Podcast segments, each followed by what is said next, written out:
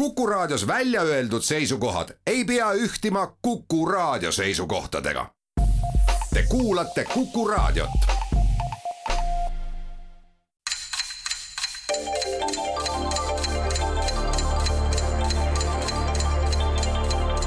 tarkade klubi targemaid küsijaid toetab lisateadmistega Postimehe raamatukirjastus tere taas, Kuku raadio Tarkade klubi tervitab häid kuulajaid esimesi samme käiva väga varajase kevadkuu esimesel laupäeval. demokraatia pidupäeval Lätetel, kus ootusärevust on jagumas tervele paletile muidugi ootavad paljud meist hoolimata endiselt silmapiiril laiuvast lumest ja kurku kriipivatest külmakraadidest esimesi märke anemoonidest või pead kuklasse ajades lõokestest ja kiivitajatest, kes esimeste seas peaks tiivulistest kevadehõngust märku andma. kütise kirbet lõhna, tõsi, on praegu veel raske ka fantaasiates enestele ette manada, kui just mõne poliitiku kombel inglina unes ei lenda ja tinajast sudust ilmutust ei näe. väga paljud meist on aga kindlasti homse õhtu ootuses, kui valimisjaoskondade sulgudes ja meediumide surisedes hakkavad laekuma ekraanidele ja teadvustesse tänavuste Riigikogu valimiste tulemused, mis määravad mitte ainult tänavuse kevade, vaid järgneva neliaastaku eluolu ja korralduse meie ümber. Tarkade klubi on seekordse pisikese panuse valimisvõitlusesse andnud, võõrustades ja küsitledes kaheksa partei helgemaid päid ja edasine jääb juba valija otsustada. aga meie pikk erimängude sari pole sellega otsa saanud head kuulajad, selle nädala keskel tähistas meie tehtav ja teie kuuldav Kuku raadio oma kolmekümne esimest sünnipäeva. tarkade klubi on selles Eesti vanimas järjepidevalt kuuldavas eraõiguslikus raadiojaamas oma samme seadnud nii umbes kolmandiku jagu Kuku raadio elueast ja iga jumala aasta Kuku sünnipäeva paiku seadnud pähe šleifid või kamminud juuksed, kui neid on, seitlisse ja tähistanud Kuku sünnipäeva erimänguga, kus osalisteks on ka Kuku raadio tegijad. nõnda ka täna, kui hea meel on stuudios tervitada suuremas eos ikkagi neid Kuku tegijaid, kelle kohta kohta saame julgelt öelda uus põlvkond. ehk siis tänased Kuku raadio eetritäitjad, kellel vanust muide on vähem kui Kuku raadiol endal hea meel on siin saates debütantidena tervitada meie pärastlõunaprogrammi tandemit Indrek Ojamets. tervist! ja Brent Pere tervist ja ma pean mainima ka, et mul on hea meel, et kõikidel saates osalejatel on juuksed peas, mida kammida. sa saatejuht ei näe praegu siit. Kuku vastu on aga astumas head kolleegid siitsamast Postimehe meediamajast Viinavabriku kõrvalt. kolleege panevad täna proovile Mai Hitsi raadio hommikuprogrammi juht, hinnatud meelelahutaja ja muusik Indrek Vaheoja. tervist! Ja mitme menuka telesaate vist alati naeratav juht, muide ka läbi väga toreda viisteist küsimust saate mälumängus end koduselt tundev Jüri Butšakov tere! nii tore, et te olete meiega, Tarkade klubi küsijad, Kuku raadio kuulajad, täna taas siis Kivimäe kooli ajaloo ja ühiskonnaõpetusõpetaja Margus Pillov ja väga aktiivne kuulaja Valeri Küpsis on ette valmistanud küsimused, mis täna on jaotunud Kuku raadio saate pealkirjade nimetuste alla. täna siis ilmaparandaja, jäljed gloobusel, poliitikaguru, spordireporter ja kahe vahel alustame ja anname vast poisid siin avavaliku õiguse meie külalistele majast, nii et Indrek ja Jüri, te saate teema valida mm,. no võtame äkki, mis oli jäljed gloobusel või? jah, see on üks ütlemata hea mõte. kolmapäeval viiekümne kuuendat sünnipäeva tähistanud Steve Jürvetson on üks tuntumaid eestlasi maailmas ta nii tehnoloogiainsenerina kui riskikapitalistina ette võetud või osalusel arendatud asjad on ikka progressi esirinnas olnud, kui ainult kas või näiteks Skype'i nimetada. tema vanaisa Artur Jürvetson, Konstantin Pätsi venna Voldemari väimees muide, oli arhitekt, kelle loomingu hulka näiteks ka Tallinna lennujaama vana peahoone ja Suure Munamäe vaatetorn esialgsel kujul kuuluvad. aastal tuhat üheksasada nelikümmend kaheksa juba väliseestlasena pani ta aga kinni ühe riigi uue keisripalee konkursi. ja millise riigi, kõlab küsimus. seitse aastat hiljem palee valmis saigi, aga siiamaani pole täpselt selge, kui palju siis Jürvetsoni võidutööd tegelikult selles kasutatud on. tänapäeval asub kõnealuses lossis vastava riigi presidendi residents ja mis riik see on? see on üks nendest riikidest, kus rahvaarv ületab saja miljoni inimese piiri ja oma maailmajaos üks kolmest, kus rahvaarv ületab saja miljoni inimese piiri. Täpsustame. suur riik, mille keisripalee autoriks on olnud väliseestlane Artur Jürvetson. no nii, kohe ootamatult ikkagi ei tea absoluutselt. hea valik aga oli, aitäh sulle selle teema valiku eest. Eh, mõtleks selle peale, et just keisripalee mm. -hmm mis need keisripaleed võivad olla, ma mõtlen maailmajaos. Eh, keisririigid saad... praegu on siis, enam ei ole keisri. ja, ei arusaadav, aga ma mõtlen seda, et kui ma mõtlen lihtsalt maailmajagude peale, et üks kolmest saja miljoni riigist. selles maailmajaos siis mm, -hmm. eks ju no Aasias on neid rohkem, et Aasias Aasia võiks välistada, eks ole, ma ise jääksin kas siis Lõuna-Ameerika või Aafrika juurde mm. -hmm. kui palju Aafrikas keisririike siis oli neljakümne kaheksandal aastal ja viiekümne viiendal sai see valmis, eks ole mm -hmm. mm -hmm.. okei okay., me mõtleme ju seda, et Euroopas sada miljonit isegi tol ajal äh, kuidagi ei tulnud kolme peale või, või see on praegu või? see on praegu. aa, see on praegu, okei okay,, okei okay siis ei saa see olla mm,, eks ole. Euroopa äkki üldse, ma selle peale üldse ei mõelnud, aga kas, kas Euroopas oli meil peale teist maailmasõda keisririike ega no, väga vist mitte. ei olnud enam? mul endal, ma pean tunnistama oma sellist harjumatust, et ma mõtlen Brasiilia peale millegipärast. sa arvad, et oli niimoodi, jah ja.? saja miljoni riiki Lõuna-Ameerikas on. no vaata ja, ja just ka selles mõttes, et, et kuhu väliseestlased läksid, et see oli ka suhteliselt äh, ikkagi koht, kuhu top kümne seas kindlasti mm. -hmm. tol ajal oli seal liiklus suurem või tähendab, tol ajal oli see liiklus võimalik yeah.. oi kui keeruline oi kui keeruline sina pakud Brasiiliat, jah? mina pakuks jah, aga ma mm -hmm. mõtlen, et ma korra mõtlesin ka, ma ütlen Aafrika peale, aga ega ma sealt ei suutnud ka edasi, sest seal ei olnud ju tollal ka veel peale teist maailmasõda see vabadusliikumine alles algas ja, ja seal alles läks nagu asjaks, et seal mm -hmm sa mõtled seal allpool või? no ma mõtlesin Etioopiat korraks mm, -hmm. aga. tead, ma ei, ütlen ausalt, vaadates praegust seisu, siis kolmsaja miljoni ja Aasias ei ole kuidagi, no ma ei tea, seal on ju rohkem ikkagi neid no üle, keda, keda siis sa pakud sealt, Taid või, ma ei tea. no ma, üks on selge, et peale seda saadet ma lähen äh, koju ja võtan äh, raamaturiiuli ette ja uurin selle täpselt järgi, aga no ma ei tea, ma väga oma rumalusest pakuks Brasiiliat. jumal tänatud, et sul on selline raamaturiiul olemas no näed, Brasiilia on väga ilus pakkumine selles mõttes, täpne, et kakssada kuuskümmend kaks miljonit elanikku seal on, aga see ei ole õige vastus mm. -hmm.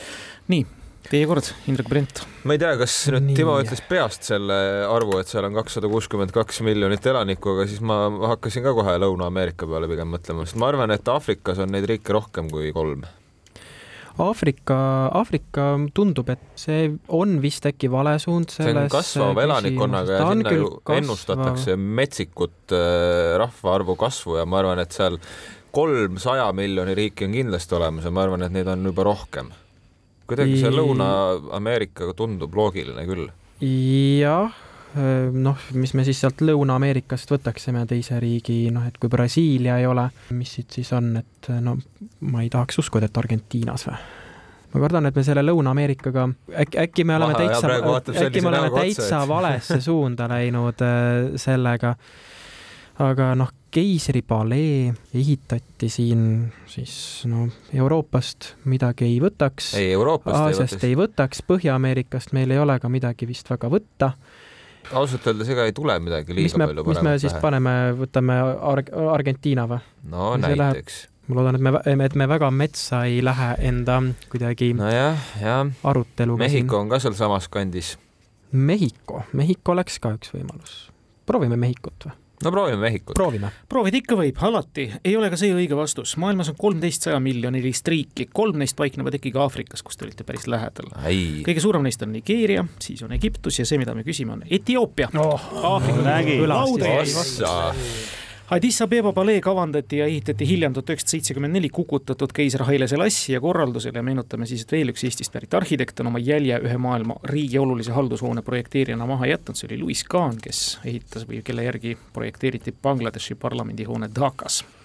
nii, Brent ja Indrek. võtame siis järgmise teema. vali sina, julgelt. valin julgelt, no võtame siis kahe vahel näiteks. keskpäevane tore saade. India elevandil on seda umbes viis tuhat. hobusel viissada, pisikesel ahvil nimega Gibon on seda umbes kaheksakümmend üheksa. Teil, head mängijad, nelja peale kokku viis tuhat kuussada. mille kohta me küsime? pange tähele ka teemat, mille alt küsimuse valisite. India elevandil viis tuhat, hobusel viissada, Gibonil kaheksakümmend üheksa ja teil nelja peale kokku viis tuhat kuussada. millegipärast esimene mõte, mille peale mu aju kuidagi hakkab jooksma, on luud. luud jah, kas meil on viis tuhat kuussada mingisugust erinevat no muud tükikest kuidagi, kui need kõik äh, lihast li,, lihast, liigest, ei no liigeseid küll ei tohiks äkki nii palju olla. no lihaseid on, liha, lihaseid on päris... igasugu mingisuguseid pisikesi, sest et no närve võib ka, ma ei tea, no närve muidugi niimoodi ära lugeda annab, aga eks neid, seda ole ka ju tehtud. hobusel oli viissada neid mm. -hmm et huvitav, et äh, jaa, aga meil oli nelja peale kokku viis tuhat kuussada nelja peale kokku, ehk siis mm -hmm. me mhm. peame selle arvu veel jagama neljaga. nelisada teeb see. tuhat nelisada, jah. nii, et meil on siis neid rohkem kui hobusel, mis on ka päris huvitav lisaks sellele, mis ta no,, ega mul, ma arvan, et see sinna kahe lihas... vahel, äkki ta on kahe, kahe kõrva vahel midagi? kahe kõrva vahel, no aju, aju on kahe kõrva on vahel, aga see on tühjus, jah, üks aju. mingeid sünapseid ma ei, ma julgen, et neid võiks arvata, et on nagu natukene rohkem seal ajus, kui ma tulen teile vastu, kordan korra küsimuse sõnastust. India elevandil on seda umbes viis tuhat. tal on seda. hobusel viissada, gibonil kaheksakümmend üheksa ja teil, head mängijad, nelja peale kokku umbes viis tuhat kuussada täiesti. praegu näeksid raadiokuulajad meie nägusid, siis need. jah, siis nad vaatavad, et me. tõlgendavad tühjust. jah, selline täiesti tühi pilk, seda mingisugune. seda jah ega me siit väga kaugele ei jõua tõenäoliselt selle väga... mõtisklusega, et ma ei tea, mis me sealt võtame oma siis... mõtisklustest võtame. lihase või? võtame, see õige niikuinii ei ole.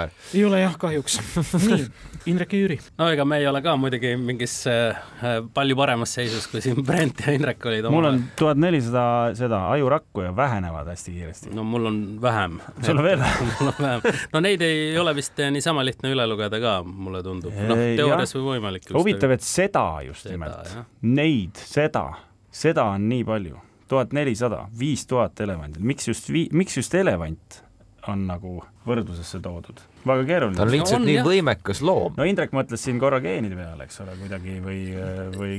jah, aga, ma mõtlesin igasuguseid asju, ütlesin mm, -hmm. kirjutasin siia selliseid sõnu paberi peale nagu geenid ja kromosoomid mm -hmm. ja, ja nii edasi, et ega mul väga palju rohkem kooli bioloogiatunnist meelde ei tulnud. äkki on see mingi mass hoopis või? ma korra hakkasin mõtlema mingite karvade või karvanääpside peale, aga neid on oluliselt rohkem vist. Neid on rohkem? Neid peaks, on ikkagi. Aga kas see ei või olla mingisugune, mingisugune mass või? tuhat nelisada. noh, et on, tal on seda tuhat nelisada midagi grammi. hobujõude ka ei ole. hobujõude, hobusel on vähem kui viissada meil ei ole tuhat nelisada grammi, eks ju. ühe ikka leiab. Nonii, mis sa arvad? elevandil viis tuhat, luu, ei no luud olid, on ju, ei, see selleks, luid on meil hästi vähe, muidugi, jaa, jaa. kahekümne ja niimoodi seal ringis. luud ei ole, eks ole. väga keeruline. Mulle kuidagi lööb see massi mingisugune mõõde siia peale kahe vahel kokku on meil seda. on mingeid kromosoomi ahelaid või midagi sellist? aga sa tõesti arvad, et äh, Timo otsustas meile sellise küsimuse panna, et kas me teame, kui palju on kromosoomi no, ahelaid? see on ju tarkade klubi, et, et siin vaata, me juba esimese küsimusega et oleme uksega eksinud. ei, no me valisime ikkagi piisavalt suure riigi, selles mõttes meil läks isegi hästi, aga tõsi. tead, äh, no mis sa tahad pakkuda, kui palju kaalub aju? mingi tuhat, poolteist kilo äkki või? no on tuhat nelisada. aga seda, noh, tuhat nelisada grammi aju. jaa nagu, meil seda... on seda tuhat nelisada grammi. sina ütled?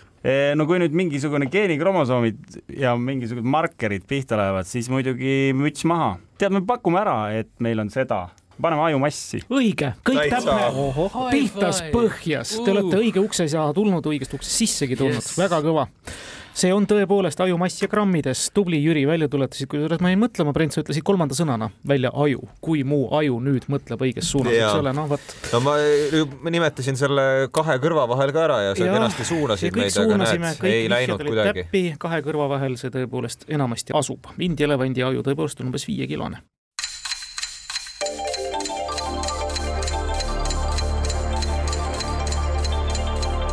Tarkade klubi targemaid küsijaid toetab lisateadmistega Postimehe raamatukirjastus. Te saate valida nüüd, Indrek, Jüri. võtame spordireporter ära, tundub kuidagi kodune. nii, väga kodune. draakon, muinaskandinaavia kuningate dünastia Yngling vormellohe ja lendav hollandlane. Nad on kõik tuntud müütilised tegelased väga eri aegadest ja eri kultuuridest. pääsuke ja lumelõoke on aga luust ja lihast meie keskel eksisteerivad linnud. kõik äsja nimetatud saavad kokku ühel konkreetsel spordialal. millisel? Eesti sportlased on küsitaval alal võitnud olümpiamedaleid iseseisvale riigile suisa kaks. no esimene asi viib meid kuidagi, mind vähemalt viib kuidagi vee peale mm. -hmm a la purjetamine või kuidagi nii, aga sa ütlesid, et neid oli, medaleid oli ka saada? jaa, Eesti sportlased on võitnud küsitaval spordialal olümpiamedaleid iseseisvale Eesti riigile kaks. siis me jääb purjetamine välja, aa, iseseisvale riigile, okei okay,, seepärast et äh, Tõnisted on meile toonud iseseisvale riigile ühe purjetamise medali, eks ju, ja siis purjetamises võitsid äh, ju kahekümnendatel olid need neli saksa mõisnikku, kes purjetamises pronksi said. Von, von Vieren ja Vekšin ja kes seal kõik olid? No purjetamine lööb, muidugi no kaks oleks pull oleks, kui need on mingi eh, rataste nimed kah kuidagi, aa iseseisev, siis ei saa olla. Mm, -hmm. siis ei kas saa olla, muidu oleks mingi pannud, eh, mis oli. sõudmine, kas seal ei ole mingid need paadinimed äkki või? kindlasti on nimed täitsa olemas. Emb-kumb, ma ei mäleta. No,, löö või maa. no me võime mõelda ju olümpiamedalite peale, et, et neid ei ole nii palju olnud, neid me saame noh me saame välistada suusatamise. me peame val valima ikkagi ju ala, kus on mingisugune asi, millele sa nime paned äh, mingisugune. no Odale võid ju ka nime panna või Kettale. ma sügavalt kahtlen, kuigi oli küll Ger, Gerdi, Gerdi Kettal oli küll mingi. no lendav hollandlane on konkreetselt purjetamises oli üks siuke, no ma ei tea, selles enam vist ei võistelda, eks ju. miks mitte vormel lohe? ei, ei, olümpial oli siis klass nagu eraldi, milles, kus jagati. seda küll, aga ma mõtlen vormel lohe, draakon no lööb sinna purje peale jääme purjetamise juurde. lõi esimesena pähe. väga õige ja tore, et sa selle loenguga maha pidasid ja väga hästi mäletad ennesõjaaegseid olümpiavõitjaid, Indrek, super. tõepoolest see Tuti viis nimeline klass aastal tuhat üheksasada kakskümmend kaheksa Amsterdamis, sa ütlesid kaks purjetajat ka veel ära kes võitsid Eestile esimese pronksi, vennad Tõnisted üheksakümmend kaks veel ka pronksi otsa. nimetatud on siis eri purjekate klassid ja neist muide vormellohe ehk siis Formula Kite, Kite või KIT debüteerib olümpiamängudel aasta pärast Pariisis, tegemist on siis lohe surfialaga. ah soo, nii et need on hoopis niipidi jaa, niipidi on -hmm. aga need nimetatud tõepoolest, Ingling on olnud, draakoni peal ja lendav hollandlase peal sõidetakse, aga mitte enam olümpiamängudel. teine punkt teile, Indrek Brent, võimalus valida. nii, ma saan aru, et meil on poliitikakuru ja ilmaparandaja veel avamata, avamata teeme poliitikakuru. teeme poliitikakuru, jah. noh, valimised tulemas, homme on äh, poliitika demokraatia pidupäev. see küsimus, head stuudios viibijad, on üksiti ka tunnikontroll ehk meenutus teie ühiskonnaõpetuse tundidest, kellel lähemast, kellel kaugemast minevikust. Eestis on kokku kuus põhiseaduslikku institutsiooni ja tänaseks on juba pooltel neist juhiks olnud ka naine nimetage need kolm Eesti põhiseaduslikku institutsiooni, mida on juhtinud naine. No esimene tuleb kohe õiguskantsler. seda on äh, juhtinud, äh, juhib praegugi äh, naine. siis ma saan aru, et president peaks olema ka iseenesest põhiseaduslik president, siis on Kersti Kaljulaid on meil olnud nii, ja mis me veel põhiseaduslike institutsioonidena saame siit veel võtta? ma nüüd võib-olla panen täiesti puusse, aga kas valitsus ei kuulu ka sinna alla või? vabariigi valitsus, ahaa. no Riigikogu see... esimehena mul ei tule ette Ene esina, aa, Ene Ergma oli, näed siis.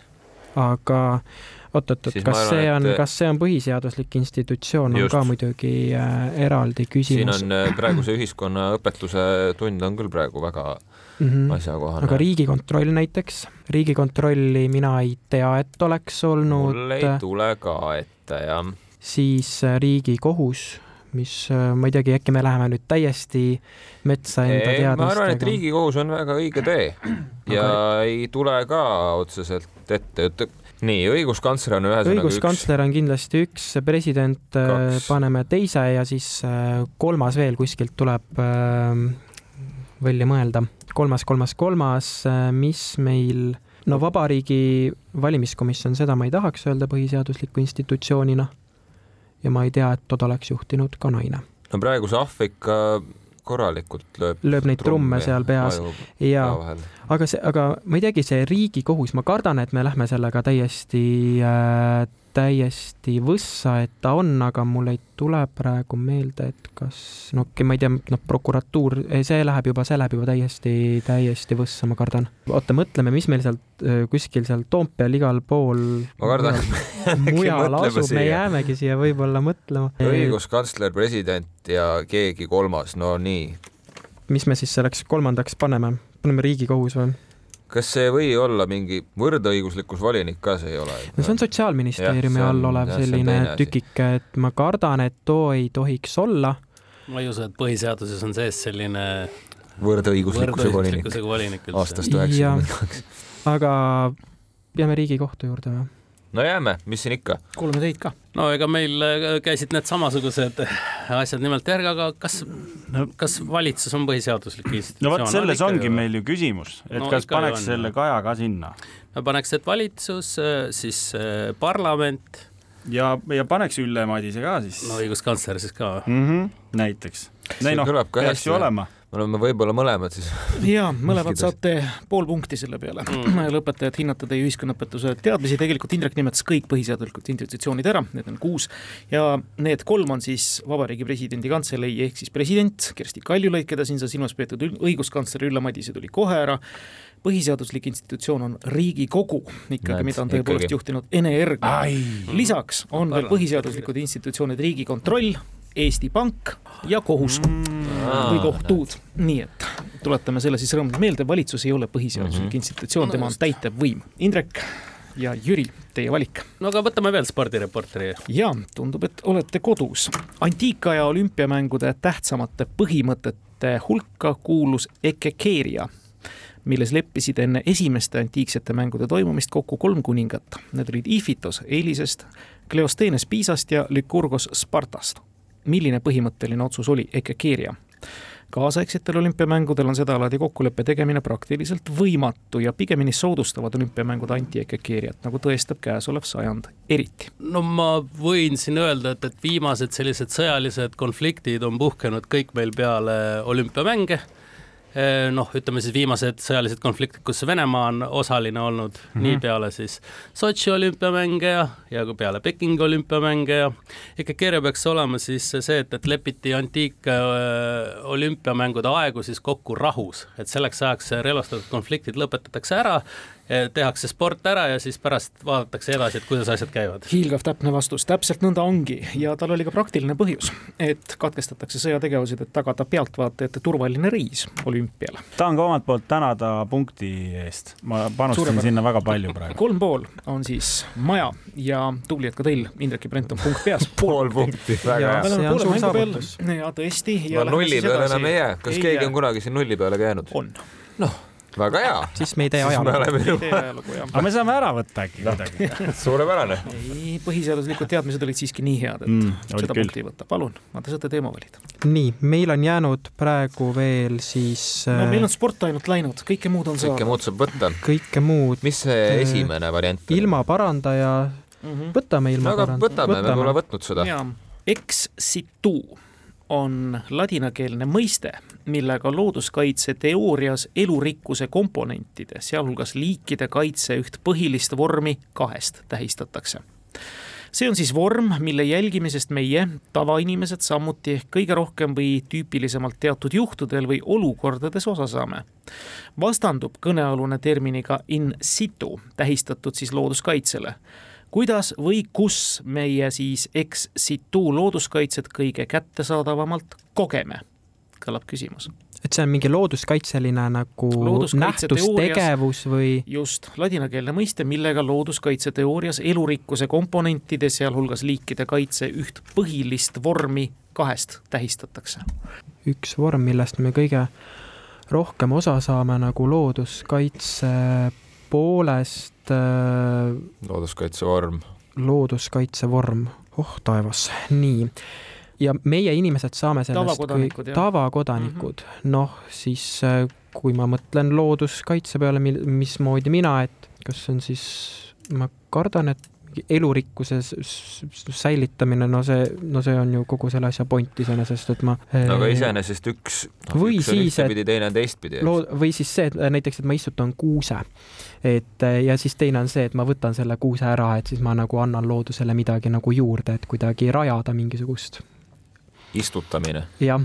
istutamine, ei saa õigeks lugeda ei saa õigeks lugeda. ei saa. Indrek Jüri. aga oli lähedal, jah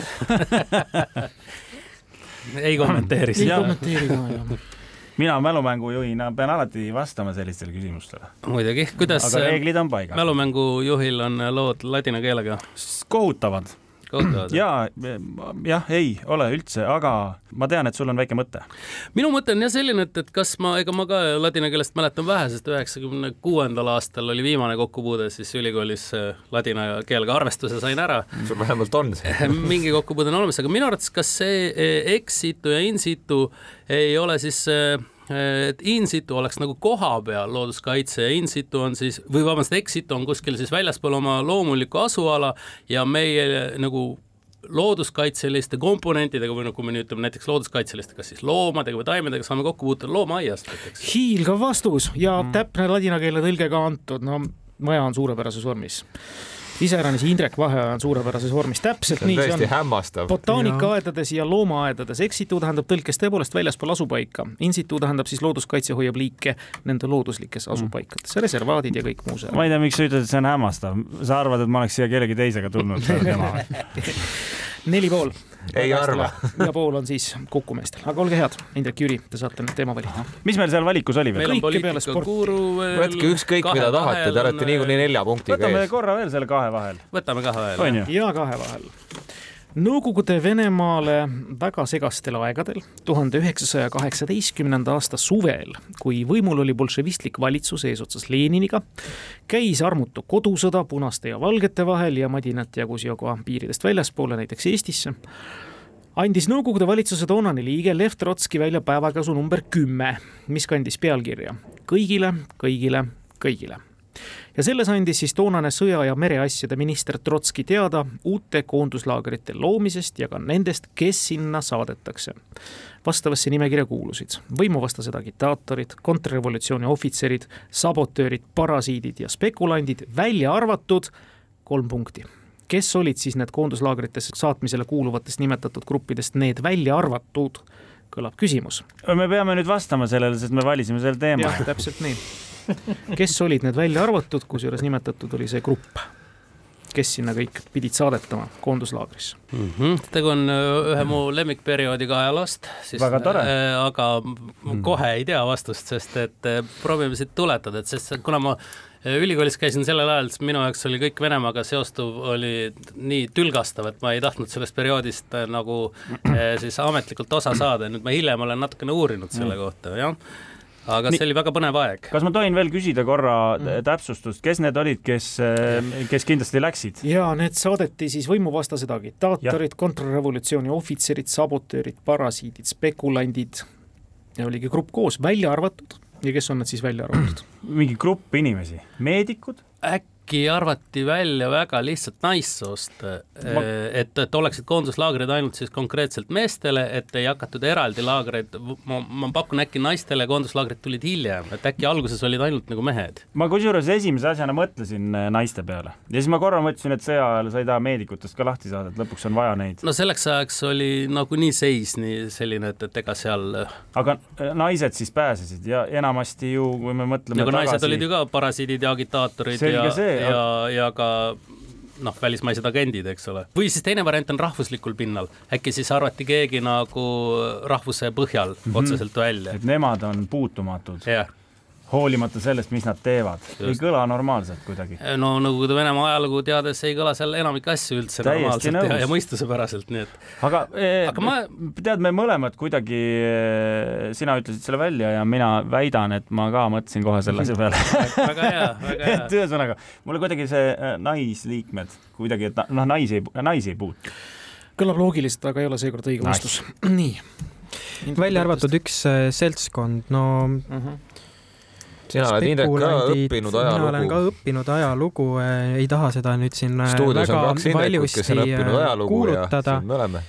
aga ega siit mul ka mingisuguseid suuri mõtteid ei tulnud, no kahe vahel on ju see küsimuse kategooria, ma saan aru uh, mhm. -huh. ja et siis kui selle kaudu hakata kuidagi mõtlema, et kas nad siis olid kuidagi kahe vahel selle nagu valikuga, et kodusõda keda, oli ka. keda võtta, keda jätta, aasta oli tuhat üheksasada kaheksateist, veteranid äkki oleks üks mõte.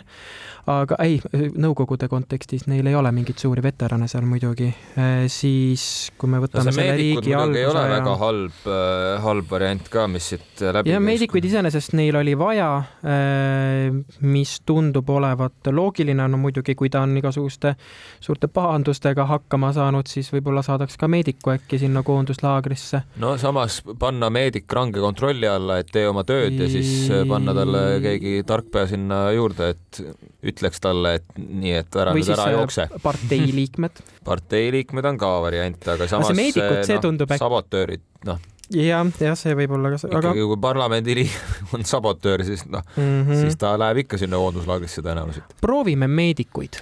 ei ole ka meedikud, selle küsimuse vastus on igati loogiline. niisiis, nimekirjaga saadetakse koonduslaagrisse võimuvastased agitaatorid, kontrrevolutsiooni ohvitserid, sabotöörid, parasiidid ja spekulandid, välja arvatud need, kes kohapeal maha lastakse äh.. on see vastus, loogis on olemas, need kaks varianti tõesti on kahe vahel, lastakse maha või saadetakse koonduslaagrisse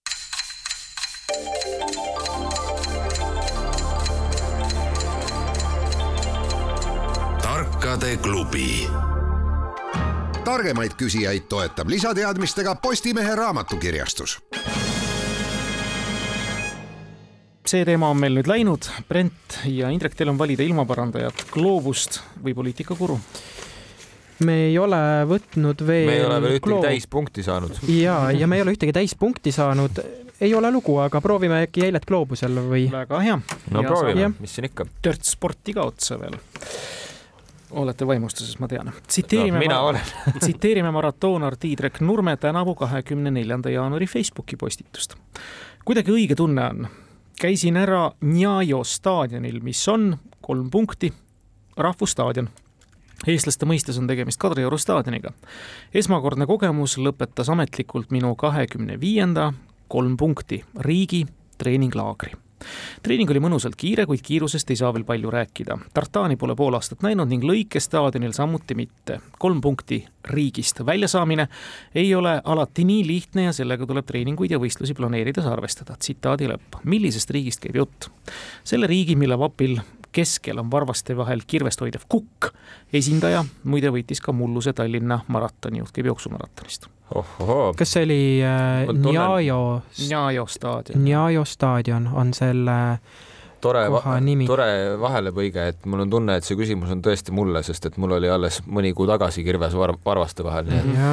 tundub, et on mulle mõeldud äh,. aga sa eelmisel aastal. sa ei ole ennast kusagilt vapilt leidnud? ma ei ole ennast vapilt vist, leidnud ja jalg on ka terveks saanud vahepeal, aga ma praegu mõtlen seda, et äh, kui tegemist pidi oli, oli eelmise aasta Tallinna maratoni võitjaga tegemist jah ja kas mingi eti-, kas on Etioopia või Keenia, mul on praegu kaks varianti peas, ma kujutan ette muidugi, et Tiidrek Nurme on käinud mõlemas riigis äh, treeninglaagris küsimus lihtsalt, et kas ta just käis seal või ei käinud, sest et äh, Etioopia ja Keenia jooksjad meil siin äh, on olnud kaks tuhat kakskümmend kaks, sa siis mõtled praegu eelmise ja. aasta all, jah? Etioopia kuidas see kas meie Mukunge selle... kas ta oli siis juba dopinguga vahele jäänud või ei olnud? kui valikus on Etioopia või Keenia, siis ega ma siit ei oska kumbagi eelistada või, või mitte eelistada, et noh, see ja vapil oli siis äh... ja tema vapil on varvaste vahel kirvest hoidev kukk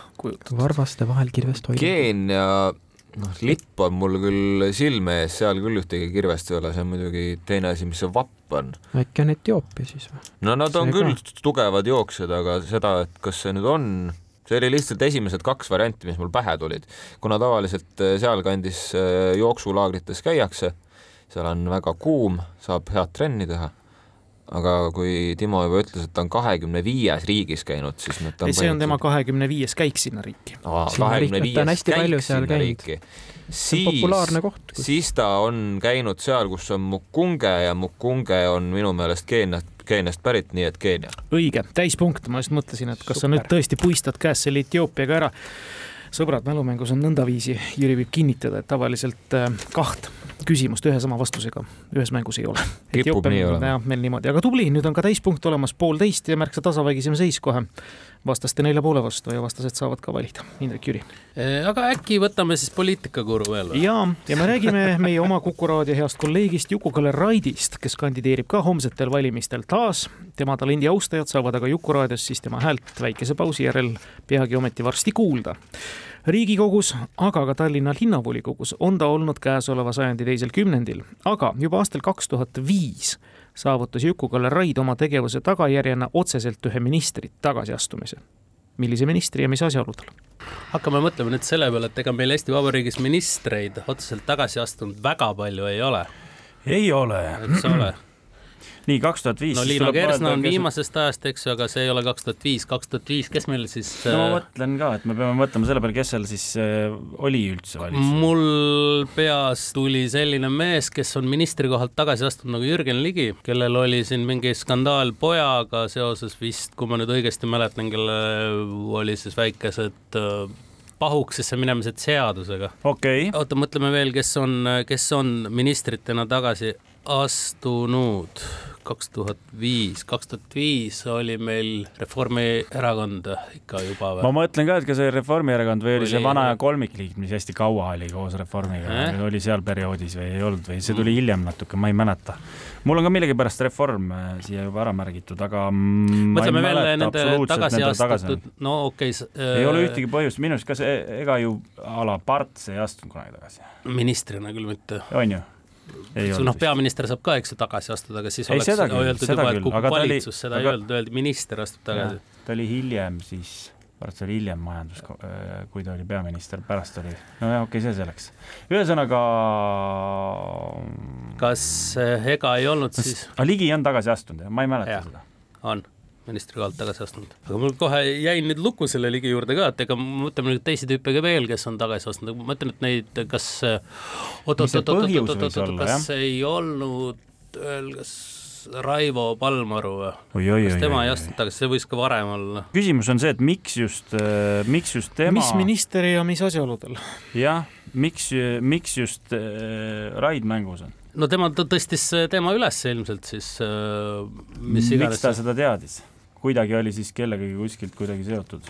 väga keeruline on, ütlen kohe ära sellepärast, et olgem ausad no,, ma lõpetasin keskkooli samal ajal no mul, mul on praegu niimoodi, noh, ma ütlen, et ega ei tule neid sellest ajast tagasi astunud ministreid liiga palju meelde. Jürgen Ligi oli tollal vist ikkagi rahandusminister. ma lihtsalt mõtlen, et noh, kui me ta on ju olnud veel kaitse ja ka vist ka kultuuriminister. kui me mõtleme Juku-Kalle peale.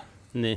aa, Ligi on olnud kultuuriminister? minu arust küll on olnud kus ta veel on, igal pool tead, võta enda peale, sellepärast et äh, puhtalt sellepärast, et ma ei saa sind kahjuks praegu siin aidata, ma ei mäleta seda perioodi absoluutselt. no vaata, sihuke üks mälumängureegel, mis ka vahepeal töötab, on see, et see asi, mis sulle esimesena pähe tuleb mm, -hmm. kipub õige olema.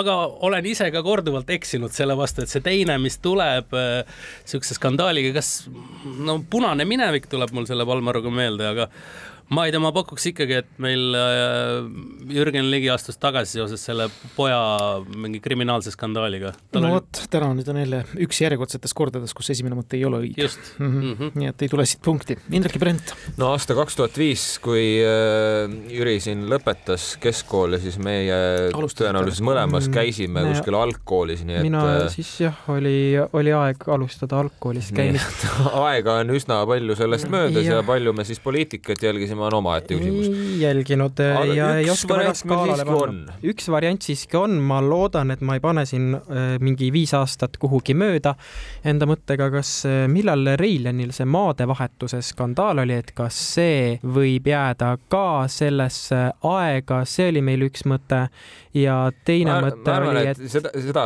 sedapuhku äkki jääme selle ühe mõtte juurde isegi, kuigi meil on siin väga meil... ilus teooria, kes võib siin veel olla kuidagi seotud, aga jah, ega meil paremat ministri nime nagunii siit ei tule. aastatega mööda ei pane, see jääb umbes samasse aega tõesti, aga ei ole ka see õige vastus. ega paljud ei mäletagi, et Jaak Jõerüüt, kunagine diplomaat, oli kunagi kaitseminister, kes astus tagasi lihtsa asjaga. Juku-Kalle üks nii-öelda sloganeid, kommarid ahju, tee särk. selle valmistamise algataja ja tollane Sõjamuuseumi direktor Indrek Tarand oli üks nendest, keda siis kahekümne kolmandal septembril Kadrioru staadionil Eesti Televisiooni Eesti Raadio jalgpallimatši ajal seda nähti kandmas. võistluse, mis niisiis võrreldaval tasemel skandaalseks kujunes veerand sajandit enne seda ajaloo ajalooline originaal. Tarandi otsene ülemus oli siis NLKP-sse kunagi kuulunud Jaak Jõerüüt, kelle nimi oli ka nimetatud särgil. Jõerüüt leidis, et nõnda ta oma ametipostil enam küll töötada ei saa mm.. nii et Juku-Kalle algatas nende särkide trükkimise ja nendest said täitsa menukad meemid. ta ju müüb praegu ka särke, nii et. No, praegu muidugi ükski minister sellise väikse asja peale enam ammu tagasi ei astu. seda küll, jah aga nüüd jääb meie mängu lõpetama siis ilmaparandaja küsimus ja esmalt saate Brent ja Indrek kuulda seda teie. Eerik Kumari preemiad pikaajalise väljapaistva tegevuse eest looduse uurimisel, looduskaitse korraldamisel, looduskaitse teadmiste levitamisel, säästva looduskasutuse põhimõtete propageerimisel antakse Keskkonnaministeeriumi poolt välja juba kolmkümmend neli aastat selle esimene laureaat oli muuhulgas teenekas raadiomees Fred Jüssi. Nelja aasta eest pälvis aga Kumari auhinna üks meie Tarkade klubi saates aeg-ajalt osalev võistleja, kes? Muide vahetult looduse ega loodusteaduste valdkonnas tegutsejaga või vastava haridusega inimesega tegemist ei ole. Nii, loodusega tema ei tegele, mina tean, et siin vahepeal käib näiteks Marju Kõivupuu, kes aga kuivõrd aga Tead, ega see ei ole, see ei ole nagu iseenesest halb, halb. Võib-olla jah, kuida-, kuidagi selle folkloristika ja kõige sellega seoses, aga ma kardan, et see on kuidagi natukene liiga äh, kauge seos, mis siit äh, võib äh, tekkida. siis, kes, kes meil siin veel. samas, Timo, mis sul see viimane või viimased kaks lauset seal oli, et ta ei ole otseselt selle mm -mm. alaga seotud? vahetult loodusega ja loodusteaduste valdkonnaga tegutsejaga või vastava haridusega inimesega tegemist ei no, ole. Marju Kõivupuu ei ole. ta vahetult... ei ole ja samas äh, ikkagi äh, kõik need teemad kuidagi ju otsapidi on loodusega seotud, mida ta on uurinud, raamatuid kirjutanud ja nii edasi. jah, proovime siis seda, ma ei no on. äkki, äkki sel või... puhul on see esimene äkki sel õige. puhul jah, mine sa tea. ja nii ongi täpselt, tuli, lõpetate täispunktiga kõik hästi, kaks pool ja tulete auga välja, sest et viimasel punktil on väga kõva kaal ja head maja kolleegid on muidugi võimast vormi näidanud. Indrek Vaheoja iseäranis ja Jürit ärme ka alahinda tema teadmiste põhjal. neli pool punkti teile, headele kolleegidele võit. meil muide mängutraditsioon näeb ette ka täna parima kuuldud küsimuse väljavalimise ja mis teile siis nüüd täna kuuldutest kõige rohkem meeldis? pean tunnistama, et mulle endale meeldis kõige rohkem selle arutelu ja kõige rohkem see kahe vahel küsimus, mis puudutas ajumahtu hmm tõsi, see kuidagi jah. nagu see noh, ütleme vähemalt ütleme neli viiendikku laua ümber oli nagu suht tühi see ajumaht. see, see oli väga odav, see nagu... oli päris hea ja minu arust teine oli. sõnastatud jah. teine hea küsimus oli selle Nõukogude Venemaa kohta, et kus siis, et see maha lasta tehtud. ja see, see oli ei saa. see oli ka väga terav ja, ja. selge, siis on kogu see kahe vahel komplekt saanud ära märkimist mm.. aitäh, Brent ja Indrek, täna saatesse tulemast, suur tänu, Jüri, suur tänu, Indrek, ka täna saatesse tulemast ja meile külalisteks olemaks. tahaks ka omalt poolt Indrekut tänada ma siis tänan omalt poolt ka Indrekut, aga teist. ja nüüd jätkame siis tänuvooruga, aitäh ka kuulajatele ja kuulmiseni hoolega hoitud auhinnad toob kohale Smartpost Itella lõpetame saate nagu ikka kuulajamänguga. eelmisel laupäeval lõpetas saate küsimus, kus tahtsime teada Venemaa viimase tsaari Nikolai Teise onu pojapoja Andrei Andreevitši kohta, kes Stalini eluajal sai saatuse tahtel võimaluse külastada Nõukogude Venemaad. ja mitte ainult, külastada ka linna, mis oli kunagi kandnud tema enda nime. küsisimegi, millist linna tema tänases nimetuses õige vastus on, et selleks linnaks on Murmansk, mis lühikese perioodi jooksul oma ajaloost kandis ka nime Romanov Murmani ääres. Andrei Andreevitš Romanov viibis seal Briti sõjalaevastiku meremehena teise ilmasõja päevil. kõige õigesti vastanute vahel naeratas loosiõnn kuulaja Elina Kalmule. palju õnne, teiega võtame ühendust. uus nädala küsimus kõlab järgmiselt. nagu teadusajaloost teada, tegi suurema jao avastusi Vaikses ookeanis tuntud Briti maadeavastaja James Cook. järgnevatele seiklejatele ja seilajatele jäi seal ookeanil juba väiksem avastamisrõõm. Prantsusmaa maadeavastaja Laperus, kes seilas samades vetes kümmekond aastat pärast Cooki, täpsustas päris oluliselt oma eelkäija avastuste koordinaate ja tegi mõnede Cooki avastuste juures veel midagi väga olulist ja maailma kartograafiat mõjutavat mida täpsemalt, kõlab küsimus. ootame vastuseid nagu ikka e-posti aadressil tarkadeklubi at kuku punkt ee või tavapostiga aadressil Tartu maantee kaheksakümmend, Tallinn, Kuku raadio, Tarkade klubi.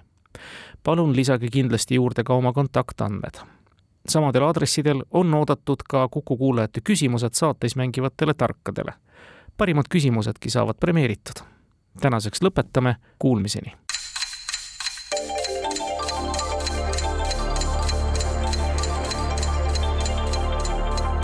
tarkade klubi. targemaid küsijaid toetab lisateadmistega Postimehe raamatukirjastus